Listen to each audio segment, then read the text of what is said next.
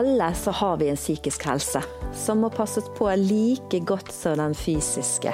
Og Noen er bevisst dette og tar jobben med å bli kjent med seg sjøl og grensene for hvor langt en kan strekke seg, mens andre finner det ut først når uhelsen inntreffer. Årsaker og sammenhenger er ikke alltid innlysende. Noen ganger treffer psykiske utfordringer uforutsett og overraskende.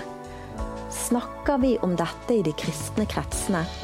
Møter vi helse og uhelse på en god og trygg måte? I kveld så skal vi ta praten om tro og psykisk helse. Velkommen til å bli med.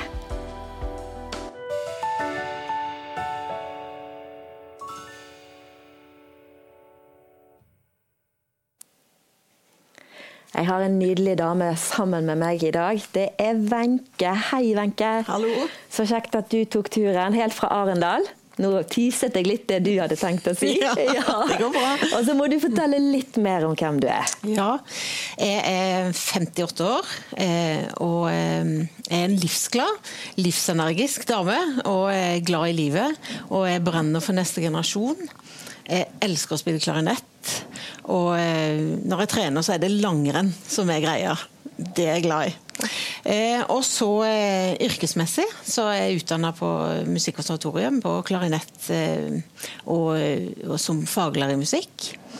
Og jeg har jobba i de kommunale kulturskolene, der de plassene har jobba. I 2019 så tok jeg disippeltreningsskole på Ungdom i oppdrag. Da hoppa jeg av, rett og slett. Og gjorde noe helt annet. Og jobba der siden, som stab på disippeltreningsskole i Kristiansand. Eh, og familiemessig så er jeg gift med Per for 34 år. Og så har vi tre voksne sønner i 20-åra, og snart tre svigerdøtre. Så det er godt. Det er og vi bor i Arendal. Ja, så flott. Du, det hørtes ut som et veldig innholdsrikt og godt liv du har levd. Ja, det har jeg gjort. Ja. Eh, mange rare ting. Ja, helt sikkert. Ja.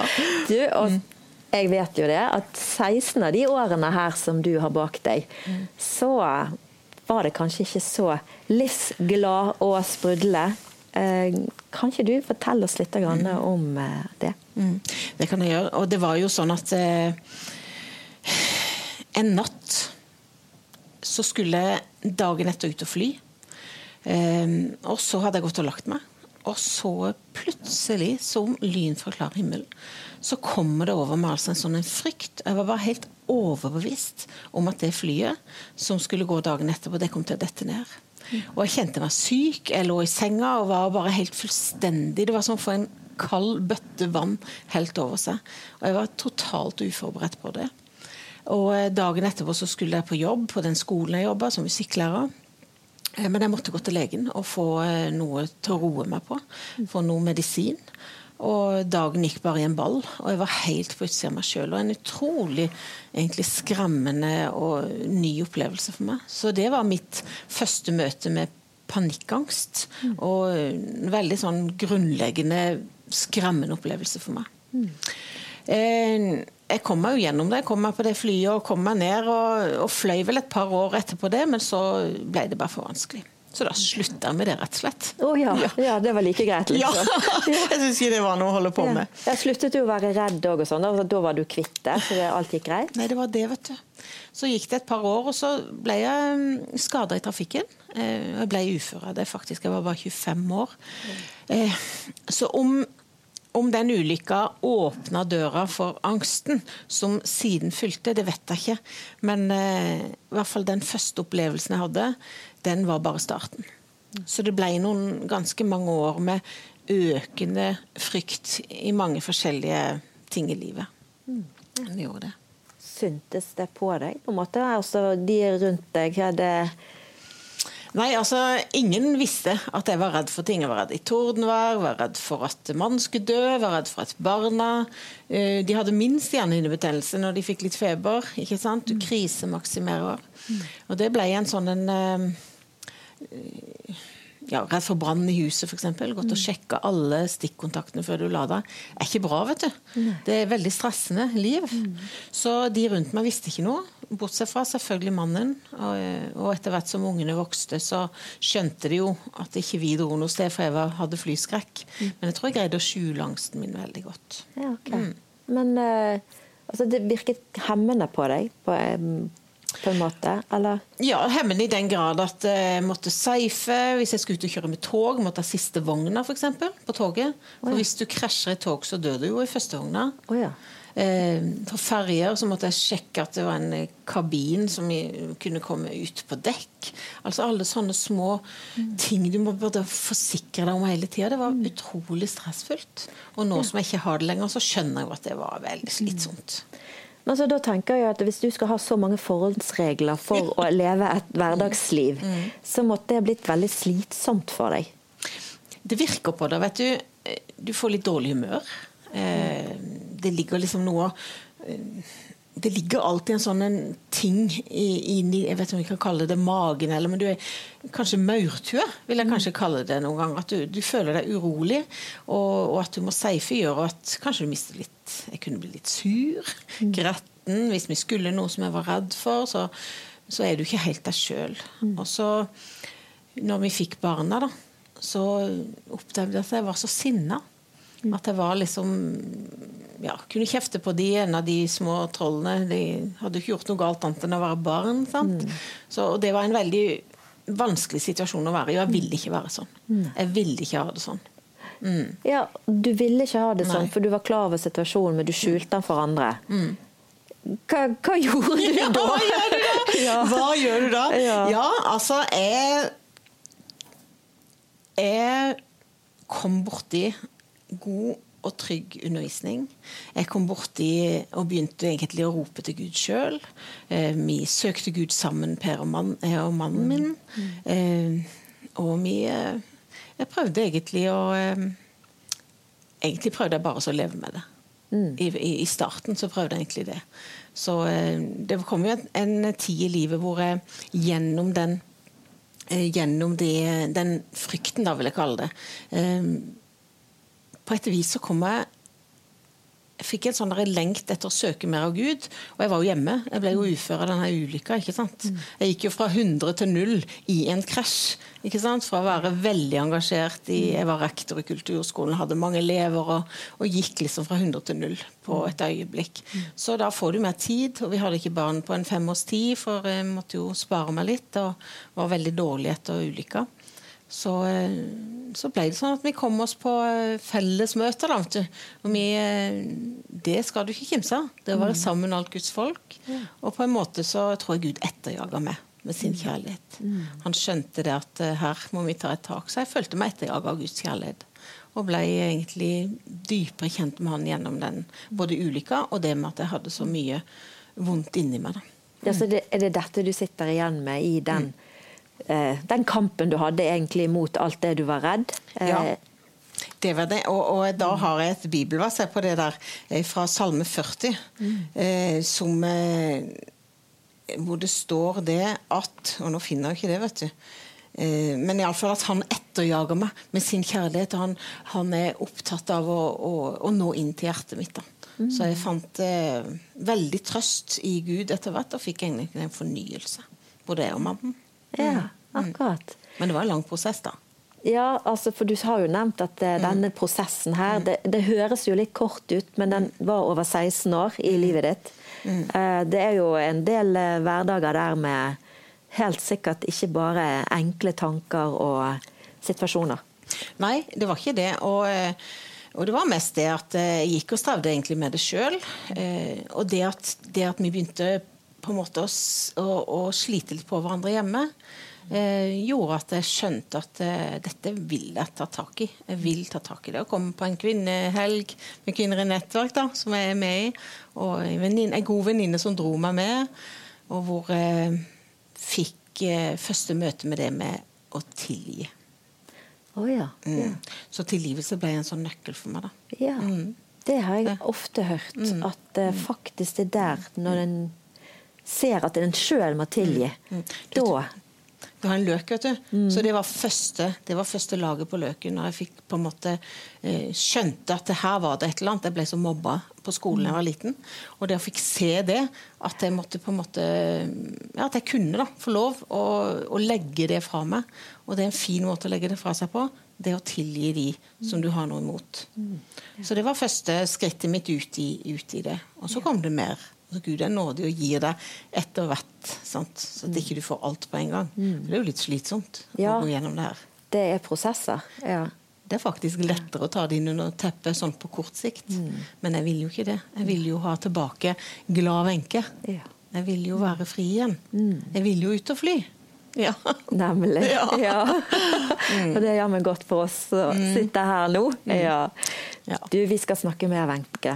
Men først nå, før vi får eh, de to andre gjestene våre inn her i kveld òg, så skal du få et sannhetsord fra Linda på Sannings samtalesenter. Vær så god.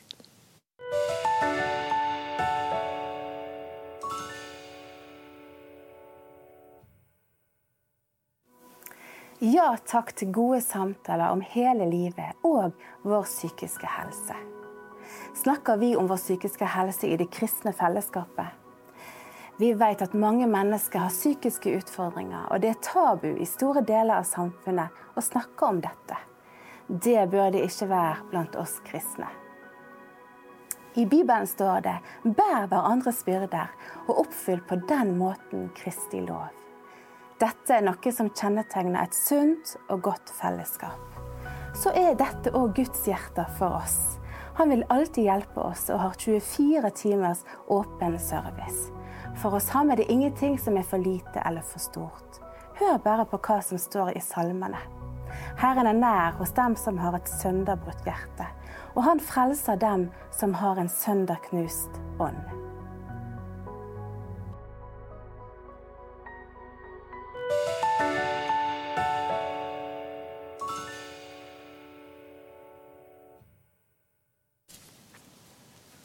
Ja, nå har vi fått karene inn i studio, og hjertelig velkommen Olav Solli og Øystein Elgen. Hei, flott at dere er her, og at vi får bli kjent med dere. Jeg må bare først spørre deg, eh, Olav, nå når du hørte litt på, på det Wenche sier. Er det noe som er gjenkjennbart i hennes fortelling? Ja, altså jeg har jo sjøl hatt angst. Um, jeg syns jo det er veldig flott å høre eh, på Wenche, og at hun har kommet seg ut av det også. Mm. jeg har hørt flere eh, Siden jeg opplevde angst og har snakka litt om det sjøl og vært åpen med det, så har jeg hørt folk som har strevd med det, både som strever med det, men også som har kommet ut av det. Og det syns jeg er veldig fint å høre. Ja. Flott. Øystein, Ja. det er jo din jobbhverdag vi egentlig sitter litt nå og, og prater om, for du er psykiater. Ja. Eh, og du har nå en egen praksis, men du har jo hatt en god del år i det offentlige òg. Ja. Eh, fortell litt om fagfeltet ditt og hvordan dette her er. ja, det er jo et spennende fagfelt Ja. og et privilegium å komme på innsida av, av mennesker. Det, det, det syns jeg er den tilliten som mennesker eh, viser. Det, det er spesielt, og det er stort. Og psykiske plager, det er jo veldig vanlig. Vet du hvilke lidelser som er vanligst i Norge? Alle. Eh, jeg, jeg hadde tippet egentlig angst, jeg. Ja, egentlig. du er ikke langt unna. Depresjon. Ja. Det er Norges, Europas og hele Vestens vanligste lidelse. Vanligere enn influensa. Det er det som tar flest sykedager eh, av, eh, for, for skoleungdom eller for studenter i arbeidslivet. Av alle lidelser. Angst er jo, henger jo veldig sammen. 70% av de som har en depresjon, har jo angst og motsatt. Akkurat. Så, så dette er jo veldig Dette er vanlig. Omtrent halvparten av oss får jo en, en depresjon i løpet av livet. Og nesten like mange kjenner på angst. Sånn ordentlig. Angst er jo en venn som skal hjelpe oss til å oppdage fare. Men, eh, men eh, noen ganger så tuller jo hjernen med oss og sier at noe er farlig uten å være det. Ja, sant. Det er jo det som er. At når eh, vi blir snakket litt for mye til, sant, så blir vi redd litt mer enn vi skal. Ja, Det er det vi hørte fra, fra deg, Wenche. Du, når, du er her, jeg må bare høre altså, Jeg er ikke sikker på om du kan svare på det, da, Øystein, men eh, eh, det har vært et inntrykk Jeg har i hvert fall vokst opp med det inntrykket av at det er flest damer som har en psykisk uhelse. Men så er jeg så glad for at Olav er her og kan bekrefte at det finnes faktisk eh, ikke bare damer som har det. Men hva, hva inntrykk har du? Ja, altså, En ting er hva jeg har. Eh, jeg har nok flest damer, ja, i min, i min praksis. Mm. Sånn på, på, landsnivå så er det mer stresslidelser hos kvinner fra ungdommen av. Med angst, depresjon, ulike stressplager. Eh, og så er det jo flere kvinner som søker hjelp.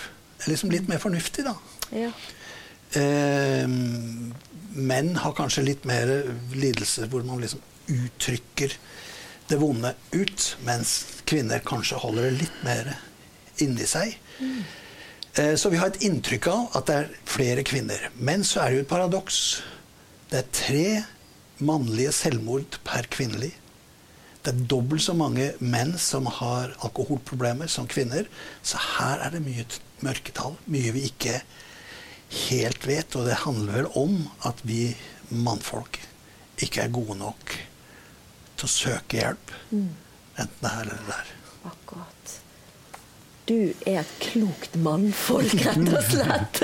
Olav, du må fortelle litt. Ja. Du har hatt en mørk mm. periode i livet ditt. Ja, det stemmer. Um, det begynte med en depresjon i ja, litt vanskelig å tidfeste akkurat, men kanskje 2014, 2013, 2014. Jeg kjente på at det var noen dager som var tunge. Og så utvikla det seg videre, og så i vinterferien i 2015 så smalt det, rett og slett. Mm. Da satt jeg og spiste frokost, og det var vinterferie, og det hadde skjedd en god del ting som gjorde at jeg hadde veldig lavt energinivå. Og så kjente jeg at forventningene eh, Vi har jo fire barn, meg og kona mi. Og kjente forventningen til at nå skulle jeg liksom stille opp litt i vinterferien og skape litt, uh, litt, litt gøye aktiviteter, men jeg kjente at jeg var på nullpunktet energimessig og, og hadde det tøft. Uh, og så da når jeg kjente på den forventningen og kjente at jeg hadde ingenting å stille opp med, så smalt det rett og slett, rett og slett på frokosten en lørdag vinterferien 2015. Jeg visste jo ikke at det var angst, men uh, det var jo det som ramma meg da. Og livet ble jo veldig Det kom litt og gikk de første dagene, men så festa det seg. Og jeg ble bare dårligere og dårligere og mista egentlig kontrollen. Jeg hadde ikke verktøy og redskaper til å takle det her. Mm. Og ble eh, til slutt innlagt på psykiatrisk. Mm. Eh, og var der i fire måneder og var veldig, veldig, veldig dårlig. Livet var mørkt, og jeg så ikke noe lys. Og jeg så ikke hvordan jeg skulle komme meg ut av det her. Mm. Um, ja, så det var en veldig tøff tid, da. Ja. Mm. Men Var det sånn at du sjøl oppsøkte den hjelpen, at du skjønte at dette her fikser jeg ikke sjøl, sånn at du kom deg til lege, eller var det noen rundt deg som fikk deg av gårde? For jeg, altså jeg vet at menn å, å, gå til leger og sånt, det, det, er ikke så lett å få dere av gårde. Nei da, det, jeg fikk nok hjelp. Jeg gjorde ja, det. Det var, Mm. Det var um, min bror, da, også min mor, hun er faktisk psykiatrisk sykepleier. Hun bor i Trondheim, jeg er fra Trondheim. Da. Mm. Så hun kom på besøk og så jo hvor dårlig jeg var. Ja.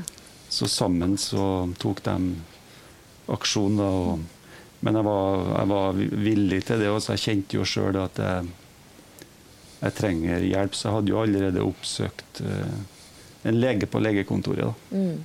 Ja. Ja, og i den eh, perioden der når en er kjenner bare sånn som Du kom til nullpunktet, på en måte. Og det, det er jo mange som eh, ja, altså De ser gjerne ikke heller akkurat hvor hen det punktet er, sant? og så bare ramler det. Hadde du noen forvarsel før du kom dertil? Ja, altså ja. Det, altså, jeg, jeg, jeg, kan ikke si at jeg visste at jeg kom til å få angst, men jeg Nei. kjente jo på den depresjonen at livet begynte å bli tungt. Det var ja. forskjellige ting som gjorde at, at jeg syntes livet var vanskelig, og visste ikke helt hvordan jeg skulle løse en del utfordringer som, som jeg opplevde. da. Mm. Um, så det var liksom Og det der bare, det balla bare på seg, kan du si. Og jeg har klart å takle ganske mye i livet og har trodd egentlig aldri at jeg skulle oppleve angst. Mm. For jeg vil vel egentlig si det at jeg har hatt ganske god helse opp igjennom. Mm. Men, eh, men, det rammer hardt. Ja. Veldig hardt. Ja. Og dette er jo Øystein din eh, pasientgruppe. Det er jo ikke bare angst, sikkert. Nei da. Som er... Nei, det er stor bredde på det, Ja, men, ja. men hvordan møter du eh, Hvordan møter du de som sier 'hjelp'? Nei, For det første så er det jo å bli tatt på alvor. ja. Altså bli lytta til og, og bli trodd og tatt på alvor. Og, og, og ja, sånn er det. Dette, dette vanskelige du lever i, det vonde du kjenner på, det, det er reelt. Og så er det jo noe med å begynne å forklare, da. Begynne å forstå hva er det angst Hvorfor får vi det? Angst er jo egentlig en venn. Den skal hjelpe oss til å fortelle oss når er vi i fare. Og det er jo bra. Kanskje menneskeheten hadde ikke vært her hvis ikke vi hadde hatt den egenskapen at vi hadde visst når er jeg i fare, og, hva, og, og, og det å komme oss ut av det. Og det er viktig. Men så tuller jo hjernen med oss og forteller oss at ting er farlig som ikke er det. Kanskje var det for 10 år siden, 20 år siden. Da var det farlig for oss. Og så er jo hjernen en kløpper til å huske, og henter jo da fram Er det noe som ligner nå? så vil den si pass deg nå, dette er farlig. Sant? Og så eh, er det da å hjelpe folk til å tenke og prøve å få tak i hva er sann, hva er reell angst, og hva er bare fake news, altså. Tulletanker. Du nikker. Det er jo det du beskrev med flyet, ikke sant?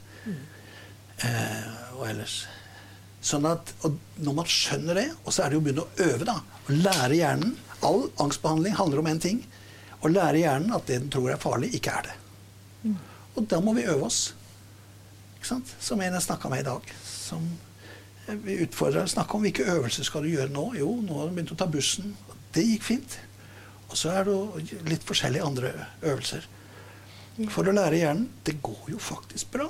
Og det gikk bra for deg å ta både fly og tog Jeg, jeg må fortelle om den første flyturen som jeg hadde i 2018. Nei, i 2008, etter 16 år. Og da skulle jeg på tur med Kvinner i nettverk, og da satt jo hele veiledergruppa til Kvinner i nettverk. Og så tenkte jeg flyet med Elin Linde Fagerbakke, det detter ikke ned. Men det kan du se løgnen, da. At skulle ikke jeg være like verdifull? Men det var iallfall det som satt fast. ikke sant? Like Men jeg kom jo, jeg kom jo eh, meg opp til Honningsvåg, og jeg kom meg hjem igjen, eller til Alta. Eh, og så fortsetter jeg med det. Jeg var livredd i fem år til. Men jeg ville bare, og jeg hadde bestemt meg for, å lære kroppen min til å ikke begynne å ikke reagere. Men angsten reagerer. Altså kroppen, ikke sant? Kroppen reagerer med fysiske ting. Og så bestemte jeg meg for at nei, dette vil jeg ikke. Og så slapp det faktisk. Nettopp. Det slapp. Det gjør det, for det går an. Hjernen vår, den kan lære. Så vi kan lære at det vi tror er farlig, det hjernen tror er farlig, ikke er det. Stemmer det at det setter seg liksom i systemet? Setter seg alltid i systemet. Og det er jo fordi vi har et nervesystem. Det betyr noen kilometer med elektriske ledninger som går til alle steder i kroppen. Alle organer, huden, blodkar, muskler. Overalt. Så det, så det setter seg. Når du er, får angst, så, så er jo ikke det bare en følelse, men det er jo like mye kroppslige reaksjoner hvor som helst. Så jeg spør alltid hvor sitter angsten din? Ah, ofte er det i maven. Klump i magen. Et må. Jeg fortelle en ting til. For det var en, en dame som spurte meg Greier du det uten medisin. Så vet du hva jeg sa da? Jesus er min sobril, sa jeg. ja. For det er sant, Ja. Jeg la meg helt fysisk i hans armer og sa du sier i ditt ord at du skal bevare meg på alle mine veier, også i lufta. sa jeg. Og så stolte jeg på at ordet holdt. Og sånn lærte jeg meg dette. Han er jo glad i oss. Jeg har jo uendelig stor verdi. Du, Apropos mm. veier, Olav. Du må Ja. fortelle om den gangen du skulle kjøre opp til Trondheim. Ja. Ja, det var jo Det var jo Også jeg var jo jeg Ble jo innlagt i slutten av februar ca. i 2015. Og så var jeg jo innlagt i fire måneder. Jeg var jo egentlig veldig dårlig etter at jeg ble Jeg begynte kanskje å bli litt bedre, men jeg var veldig dårlig ennå da, den sommeren 2015. Og så skulle vi på ferie til Trondheim, og så satt jeg og kjørte bil. Og um, bilkjøring var faktisk Det var en del ting som gjorde at det letta litt på trykket, bl.a. bilkjøring, for da hadde jeg liksom noe å gjøre og hadde et mål. Uh, Så, så det hjalp faktisk. Mm. Og så var det at han eh, sønnen min han spurte hvor langt det var igjen. Han, vi, altså, det, det, er et stykke å kjøre til Trondheim. Det er ca. 70 mil fra Bergen. Ja. Så, um, så er jo jeg mattelærer. Så jeg regna jo ut gjennomsnittsfart og visste sånn cirka hvor langt det var. Så jeg sa vi er framme ti over halv elleve. da. Tenkte jeg, jeg kan jo bremse litt, sånn at vi, vi, vi, vi kommer fram ti over halv elleve. Men så spurte han igjen da, hvor, hvor tid eh, er vi i Trondheim, pappa.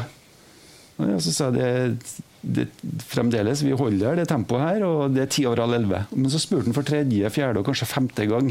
Og da skjønte jeg at han hørte jo ikke etter. Mm. Og da ble jeg litt irritert, faktisk. Og så sa jeg til han da har ikke jeg sagt det til deg. Og akkurat det som skjedde i, i bare noen, på noen sekunder der i den bilen, det var det at uh, det ble et sceneskifte. Uh, det var jeg som snakka til min sønn, egentlig. Men plutselig så var det min pappa i himmelen som snakka til sin sønn. Og så sa han har ikke jeg sagt det, Olav. Vær bare riktig frimodig og sterk. Og da var det faktisk som Det som skjedde i bilen der da, da, kom himmelen inn i den bilen, faktisk. Og det som skjedde, var at jeg, jeg følte sjøl at jeg satt på et eh, teater. Og det var helt mørkt i salen, og det var et tungt, svart sceneteppe. Men så gikk sceneteppet opp, og så fikk jeg se rett inn i Guds hjerte. Og alle de tankene Du sa jo at angst var, var en del av angsten er løgn. Og jeg vil jo si da at min angst, det var løgn. Og da, og da, fikk jeg se det at det var løgn, og at Gud han elska meg betingelsesløst. For jeg begynte jo i den angstperioden så fikk jeg en del tanker om at Gud var imot meg, at han ikke tilga meg 100 og at han, ikke, altså at han hadde litt imot meg. da. Og at jeg egentlig ikke kunne stole helt på han, men da fikk jeg se det at det var jo bare tull. Mm. Jeg fikk se Guds hjerte der, og jeg fikk se at han elsker meg betingelsesløst. Jeg fikk se at jeg kan legge eh, min bekymring mm. i hans hender, at det holder. Jeg fikk se at han har gode planer for meg og for min familie, og jeg fikk også se at han tilgir meg. da. Mm. Han vet hvem jeg er, mine svakheter, ikke minst. det vet han, Men likevel så elsker han meg og tilgir meg. da. Så det ble, det ble det ble veldig livsforvandlende, det som skjedde i bilen der på vei til Trondheim. Tone. Ja, ja. Nydelig. Uh, Øystein, det er, nå er Olav inne på et, eh, et felt uh, som kanskje du har måttet snakket med en god del om. Som, I hvert fall av de som kommer til deg og søker hjelp, og som har en kristen tro i, i bunnen. Men uh, denne forkynnelsen kanskje så veldig mange er at vi, vi, skal være kristne, og vi har alltid grunn til å være glad. Og så er det ikke alltid at vi kjenner at vi finner grunnene, fordi det sånn som du snakket om, det mørke teppet, det er så tjukt. Hvordan er det vi eh, snakker med og sammen med mennesker som har det tjukke teppet foran seg? Da kan jo Gud og Guds omsorg virke ganske fjern. Du har sikkert hørt om det bildet med disse to fotsporene, eller to personer som gikk i sanden.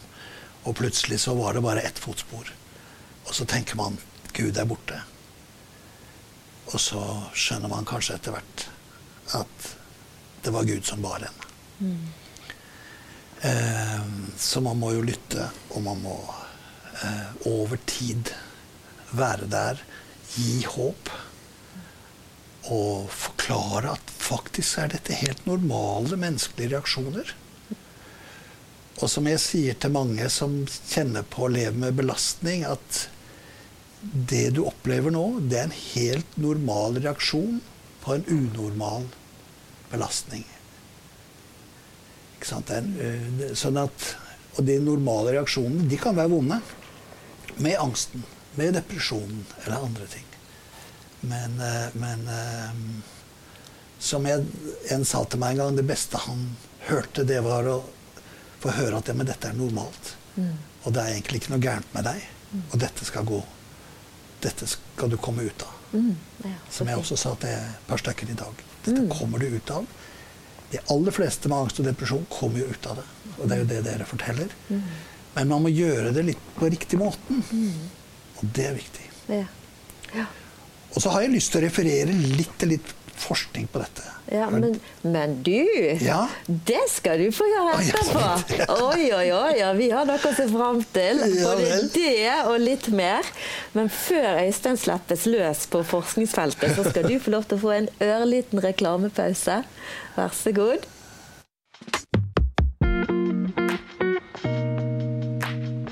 Takk for at du ser på programmet vårt. Hvis du setter pris på det vi gjør, så vil vi invitere deg til å støtte oss. Vi kan bare gjøre dette så lenge seerne holder oss på luften. Send din gave på VIPS til 76 3805, så hjelper du oss med å lage disse programmene og å skape nye. Takk for din gave på VIPS til 76 3805. Gud velsigne deg.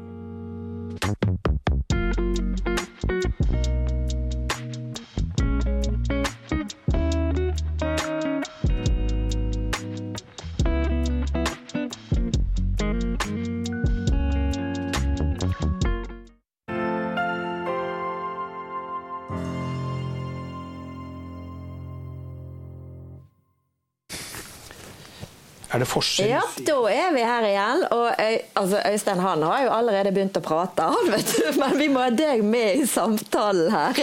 Øystein, hva var det du hadde lyst til at jeg skulle spørre deg om?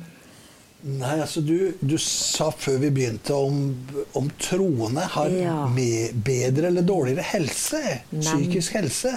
For det har jeg lurt litt på. Om du merker noe i det i det fagfeltet, eller forskningen kanskje, som du har egentlig lyst litt inn på nå.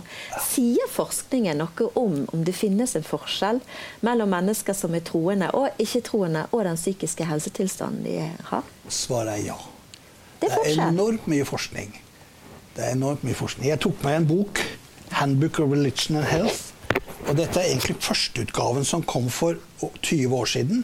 Så er det kommet to utgaver til. Den beskriver mange, mange tusen forskningsartikler om forholdet mellom psykisk helse og tro.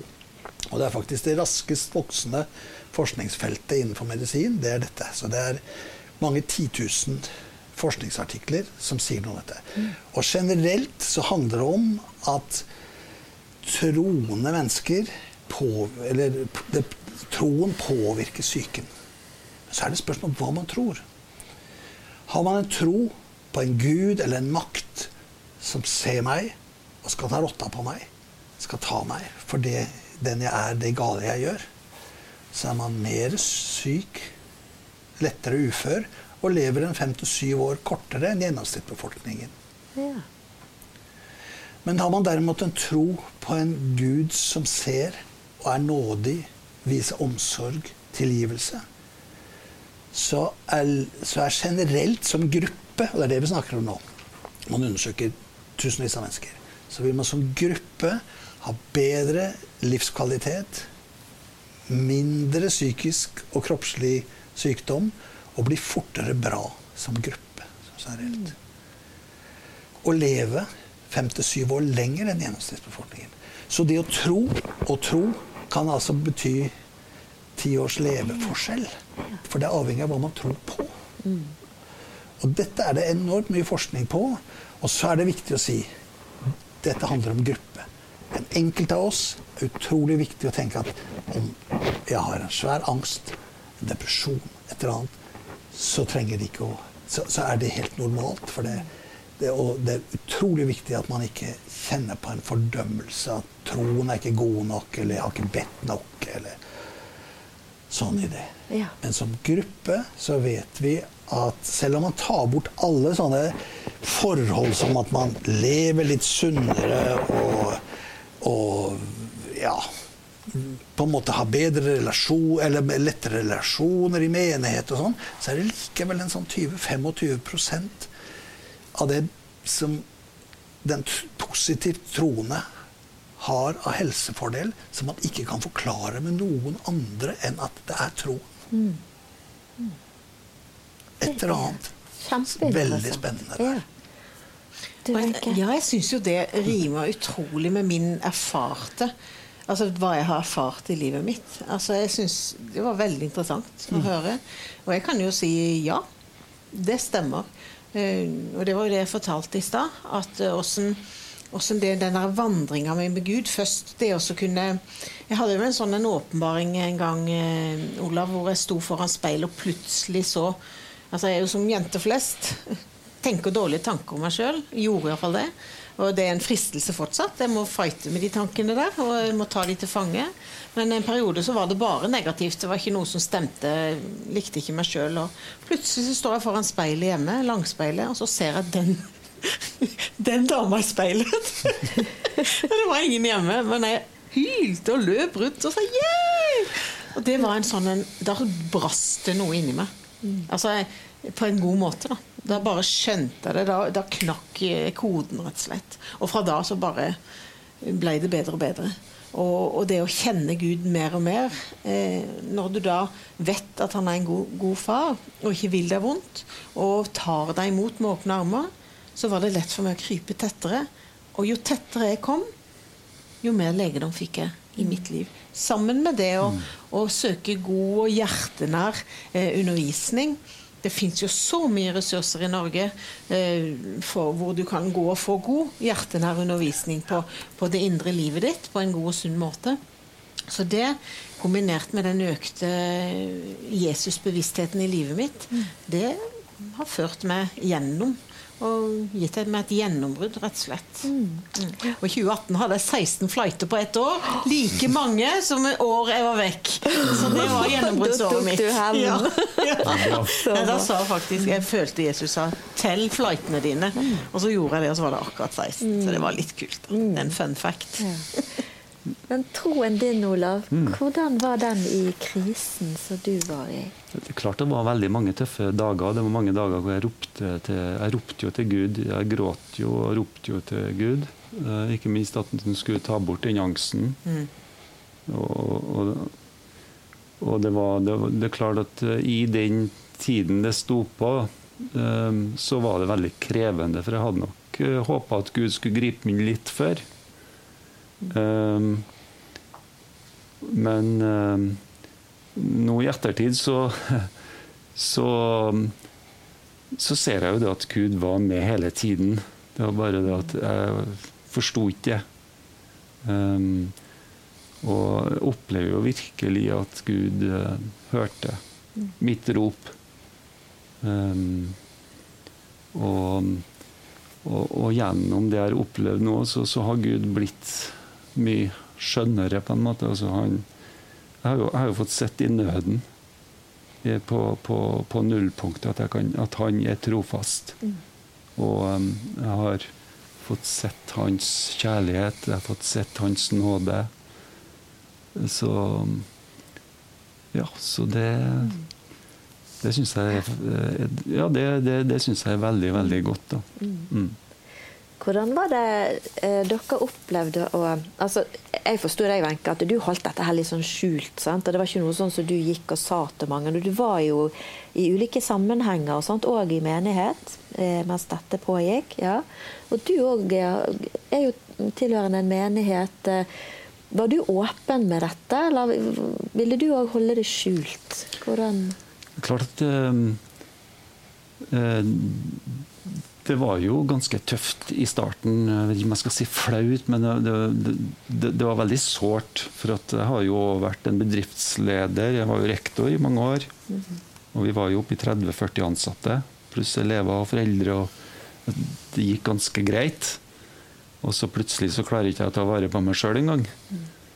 Eh, og så det var nok sånn i starten her at jeg ville helst være for meg sjøl, for jeg følte meg sårbar. og og når jeg var på psykiatrisk, så ville jeg helst ta igjen gardinene. Og, og ville ikke ha besøk av så veldig mange. Mm. Men så fant jeg ut sjøl, for min del, så, så, så, så, tenkte jeg meg litt om, og så fant jeg ut at den strategien jeg velger nå, den gjør meg i hvert fall ikke noe friskere. da. Og så opplevde jeg det at det var veldig veldig mange Det bor mye godt i, i mange mennesker. Um, det må jeg si. Og mm. kona mi, f.eks., hun jobber i hjemmesykepleien, og der la dem veldig fint til rette. Mange i menigheten de kom med mat, middag hjemme hver dag. Oi. Ferdig middag. Um, jeg fikk meldinger fra folk om at de ba for meg. Jeg, jeg syntes det var godt. Og noen av dem hadde jo et ord, en hilsen. Og så valgte jeg kom jeg til et punkt der jeg valgte å være sårbar. Og da gikk jeg faktisk på møte med angst. Um, nå forteller jeg hvordan jeg velger. Jeg sier ikke at andre trenger å gjøre det sånn som meg, men jeg gjorde det. Og jeg, jeg valgte å vise meg sårbar. Um, og jeg husker at jeg var på gudstjeneste og gikk fram og tilbake bak i lokalet. Han pastoren ville gjerne at jeg skulle sitte på en stol han, framme. Så det var en, en omsorgstanke, sant? Men jeg sa at jeg har ikke sjans, jeg har altfor mye uro og angst. Så jeg, gikk fram og tilbake under hele prekena. Og så gikk jeg gjerne hjem litt tidligere. Så, men det som skjedde med meg, var jo det at jeg så jo at jeg har min identitet i Gud. Jeg har min identitet i hva han har gjort for meg. At han elsker meg. Hvem han tenker om meg. Og da ble det på en måte ikke så farlig lenger at mennesker så så vet om det at jeg har hatt angst. da, mm. sant? Mm. Fordi den identiteten i Guds nåde og Guds kjærlighet den har blitt så mye sterkere. da. Mm. Ja. Og da blir det på en måte nok. ja. Mm. Øystein, det er jo sånn at når ett lem lider, mm. Kristi kropp, så lider hele kroppen. Eh, og du har jo mange lidende celler å, å ta vare på. Eh, hva tenker du eh, menigheten kan eh, være kanskje med på å hjelpe, sånn at det ikke skal bli så mye jobb for deg? Jeg drømmer jo om helbredende fellesskap. Ja, Hva legger du i det? Altså fellesskap hvor hele mennesket tas på alvor. Kropp, sjel, ånd. Altså at vi er et helt menneske. Vi er skapt som en treenighet. Og, og, og en menighet som på en måte tar hele mennesket på alvor. Mm. Og, og, ikke tolker alt ut ifra om det åndelige. For vi er jo en kropp. Vi, er, vi har en mental helse. Vi har tanker, vi har følelser, vi har meninger, holdninger. Mm. Erfaringer, drømmer. Og, og, og det å være det å tillate at vi er hele oss. Og du gikk fram og tilbake. Du fikk være der med all din uro, ikke sant? Mm. Og, og, og, og, det er jo lett i en del sammenhenger å bli litt sånn I den gode hensikt å bli litt for ivrig til å på en måte komme med de åndelige altså åndelige løsninger. Ikke misforstå meg. Det er flott med, med, med det åndelige med, med, Guds ord viktig, bønn er viktig og sånn. Men det kan jo for noen, og jeg har snakka med en del som opplever det litt sånn vanskelig Har jeg ikke god nok tro? Ber jeg ikke nok? Ber jeg ikke riktig? Ikke sant? Sånn at det å være noen som er der, lytter, kommer med middag, er jo, er jo veldig flott. Også formidle håpet. Og selvfølgelig peke på, på den Gud som er der, også om man ikke ser det. Et vers jeg bruker av og til overfor uh, mennesker jeg snakker med, er jo mennesker som opplever seg mørke. Så minner jeg om verset fra Salme 139. Mørket er ikke mørkt for deg. Mitt mørke, det er ikke mørkt for deg, Gud. Det mørket som jeg eller vi kan oppleve, det er jo ikke det for Gud. Og så på en måte prøve å linke tankene og livet til guden. Mm. Det er jo menigheten. Det kan jeg snakke om også i terapirommet, men det er klart der er det viktig å ta hele, ta hele mennesket og, og, snakke om hvordan hjelper vi en med angst, for å forstå og øve seg og legge angsten borte. Jeg sitter og tenker på det at det er utrolig mye god legedom i en god kopp kaffe og en god prat på gudstjenesten. Jeg har bare lyst til å slå et slag for min menighet, hvordan vi har tatt tak i det. og Alle møter en halvtime før, og så er det kaffe og, og drøs, som de sier i Rogaland. Eh, og prate litt sammen før. Og, og det å, å, å bli obs på hverandre, ha smågrupper. Og ha en kultur av å bry seg med hverandre. Eh, på det jevne. Ikke bare til å ta seg på tak, men at det blir en kultur. Og vi, vi, er jo litt sånn tilbakeholdne, mm. vi nordmenn. Vi, vi, tør ikke helt å bry oss, og så går vi ofte på den andre sida av gata. ikke sant? Altså Istedenfor å si ja, men hvordan, fortell oss du har det. Og du kan si hva du vil. kan være stille, men jeg vil veldig gjerne høre. Mm. Mm. Hos oss har vi tatt tak i det. Vi har et gudstjenesteteam. Altså, vi har bare bestemt oss for at vi skal se mennesker. Ja. Går med kaffekoppen rundt og, og, leter opp de som kommer nye, f.eks. Eller de vi vet har det strevsomt. Så det, det går an. Det er en varm kopp kaffe og en prat. Bare, det å bli sett, det betyr utrolig mye. Og vi er jo skapt mm. for å leve sammen. Mm. Ja. Og det er klart, det er enormt mye ensomhet. Og vi vet jo, forskning sier, hvor, hvor mye psykisk uhelse og kroppslig uhelse ensomhet gir. Sånn at eh, det er jo noe av styrken i Ja, som forskning viser, blant annet. Eh, hva en menighet og et menighetsfellesskap som bryr seg, hva det betyr, kan bety for helsa. Mm.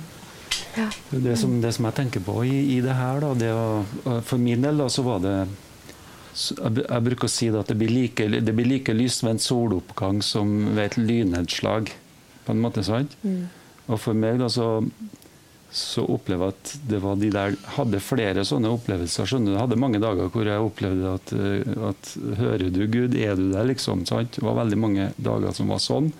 Men så var det flere ganger jeg òg hørte altså at Guds ord åpna seg opp da, for meg. sant? Du kan kalle det en åpenbaring, eller at jeg hørte rett og slett Guds stemme veldig tydelig. Og, og de møtene der, de satte meg fri. Men så møtte jeg også mennesker som, som elska meg, kan du si, som, som, viste trofast kjærlighet. Og det betydde enormt, for du er så følsom. Og den der trofaste kjærligheten som kan være med deg og være en medvandrer gjennom prosessen, og som er der det, og, og liksom på en måte ikke eh, også det kan, det kan være sånn at vi kristne noen gang kan, vi, vi vil gjerne ha et vitnesbyrd. Vi vil gjerne at noen skal, som er syke, skal bli friske. Mm. Så vi nesten kan få noe å fortelle. Sant?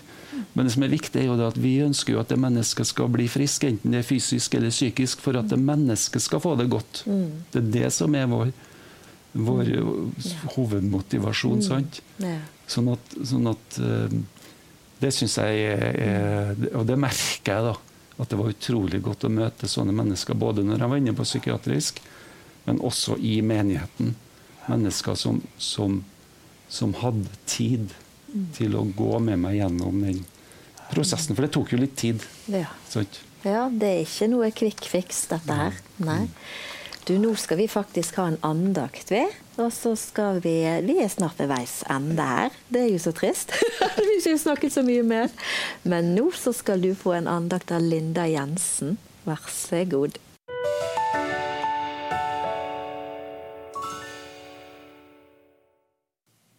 Dagens tema under samtalen har vært tro og psykisk helse. Og psykisk helse er kanskje noe som vi ikke snakker så mye om, i motsetning til vår fysiske helse, som vi ofte er veldig opptatt av. Det er mange mennesker som har både fysiske og psykiske sykdommer eller lidelser som de trenger medisinsk hjelp og profesjonell behandling for. Og det skal vi ta på alvor. Men samfunnet vårt er samtidig samtidig også opptatt av å sette mye søkelys på hvordan vi kan ta vare på vår fysiske helse, så vi kan unngå disse livsstilssykdommene som vi så lett kan få. Og da er det veldig ofte fokus på trening og sunn mat. Og så tenkte jeg ja, men hva med vår psykiske helse? Er det noe vi kan gjøre for at vi skal ta vare på vår psykiske helse? Jeg måtte innom eh, den store medisinske leksikon for å liksom hjelpe meg til å sette noen ord på hva psykisk helse er. Og det beskriver det jo ganske bra. Psykisk helse kan beskrives som en opplevelse av å ha det bra. Med muligheter til å virkeliggjøre sine talenter, mestre vanlige belastninger i livet, finne glede i arbeid og aktivitet, samt delta og bidra i samfunnet. Psykisk helse handler slik om vår til enhver tid opplevelse av trivsel. Å ha det bra, finne glede, oppleve trivsel, det er jo noe som vi alle ønsker i livet. Gud vil også at vi skal ha det bra på alle måter i livet. Og i 3. Johannes 1,2 så står det så bra. Min kjære, jeg ønsker at du på alle vis får være frisk og ha det godt, like godt som du har det åndelig. Bibelen gir oss mange gode råd og oppfordringer for hvordan vi kan ha det bra, ikke bare med kroppen vår, men med hele oss. Og i ordspråkene så finner vi mye visdom, og der står det annet i kapittel 4 og fra vers 23. Bevar ditt hjerte framfor alt du bevarer, for livet går ut fra det. Og Litt senere kan vi også lese i kapittel 17 og vers 22. Glede i hjertet gir god helse. Mismot tærer på marg og ben. Salomo han snakker jo her om hjertet i den overførte betydningen av sjelen eller sinnets helse. Så hvordan kan vi bevare hjertet vårt? Det er jo selvfølgelig mye vi kan gjøre for det. Men jeg har lyst til å nevne én ting som kanskje er et av de viktigste verktøyene vi har for å ha det godt. Og i Kolosserne 3.13, der kan vi lese om det. Så dere bærer over med hverandre og tilgir hverandre hvis den ene har noe å bebreide den andre. Som Herren har tilgitt dere, skal dere tilgi hverandre. Tilgivelse Allerede som barn så lærer vi å si unnskyld, og både det å be om og gi tilgivelse. Å tilgi hverandre, det er noe vi må gjøre stadig vekk. Gjennom hele livet, fordi vi gjør dumme ting. Og jeg kan bare ta et eksempel fra mitt eget liv. Jeg har vært gift i over 30 år. Og når det oppstår en krangel, eller eh, noen av oss har sagt et eller annet dumt, eller gjort et eller annet dumt, så blir det veldig dårlig stemning. Og det er akkurat som den stemningen den blir ikke god igjen før vi har fått snakka sammen og bedt om tilgivelse. Og så er det sånn utrolig herlig, helbredende kraft i tilgivelse. Gud, han elsker oss så høyt, og han har tilgitt oss. Han ga oss det beste han hadde. Sin eneste sønn, Jesus, kom til jorda og døde på korset for oss. Og han tok på seg alt det vi har eller noen gang kommer til å gjøre. Så tilgivelse er gitt. Og når vi kommer til Gud, så står han med åpne armer. Jeg syns 1. Johannes 1,19 sier det så bra. Men dersom vi bekjenner våre synder, er han trofast og rettferdig, så han tilgir oss syndene og renser oss for all urett. Det er absolutt det aller viktigste vi kan gjøre i livet. Å ta imot den tilgivelsen og leve åpent og i lyset sammen med Gud. Når vi har opplevd den tilgivelsen, så hjelper det oss også, så vi kan tilgi hverandre. Det gjør godt, veldig godt for hele oss. Å leve i åpenhet og tilgivelse er det viktigste og sunneste vi kan gjøre for vår psykiske helse. Og helt til slutt å tro på Gud og leve for Han, det gjør ting mulig, men det er ikke alltid lett. Det er mulig å være kristen og ha en depresjon. Og vi er ikke spart for psykiske lidelser mer enn andre, selv om vi er kristne. Men det er godt å kunne støtte seg til Gud og troen under alle forhold i livet. Når det er som mørkest, så er han også der.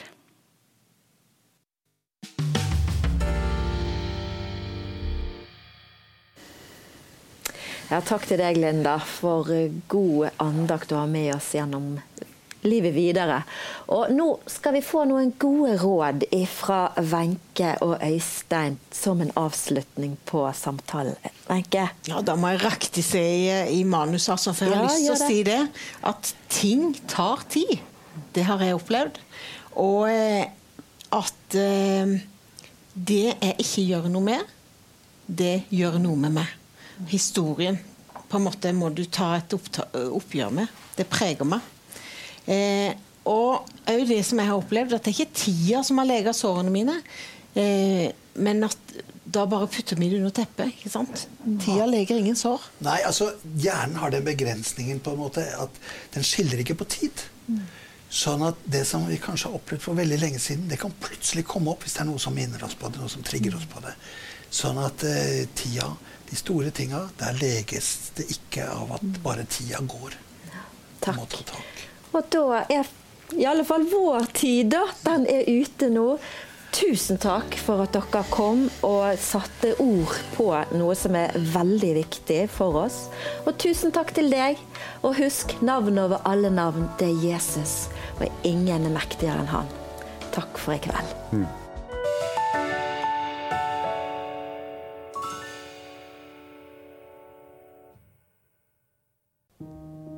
Noen ganger handler samtalen om ting som kommer nært inn på livet. Og kanskje berører deg og ditt liv. Og kanskje du tenker at dette skulle du snakket med noen om.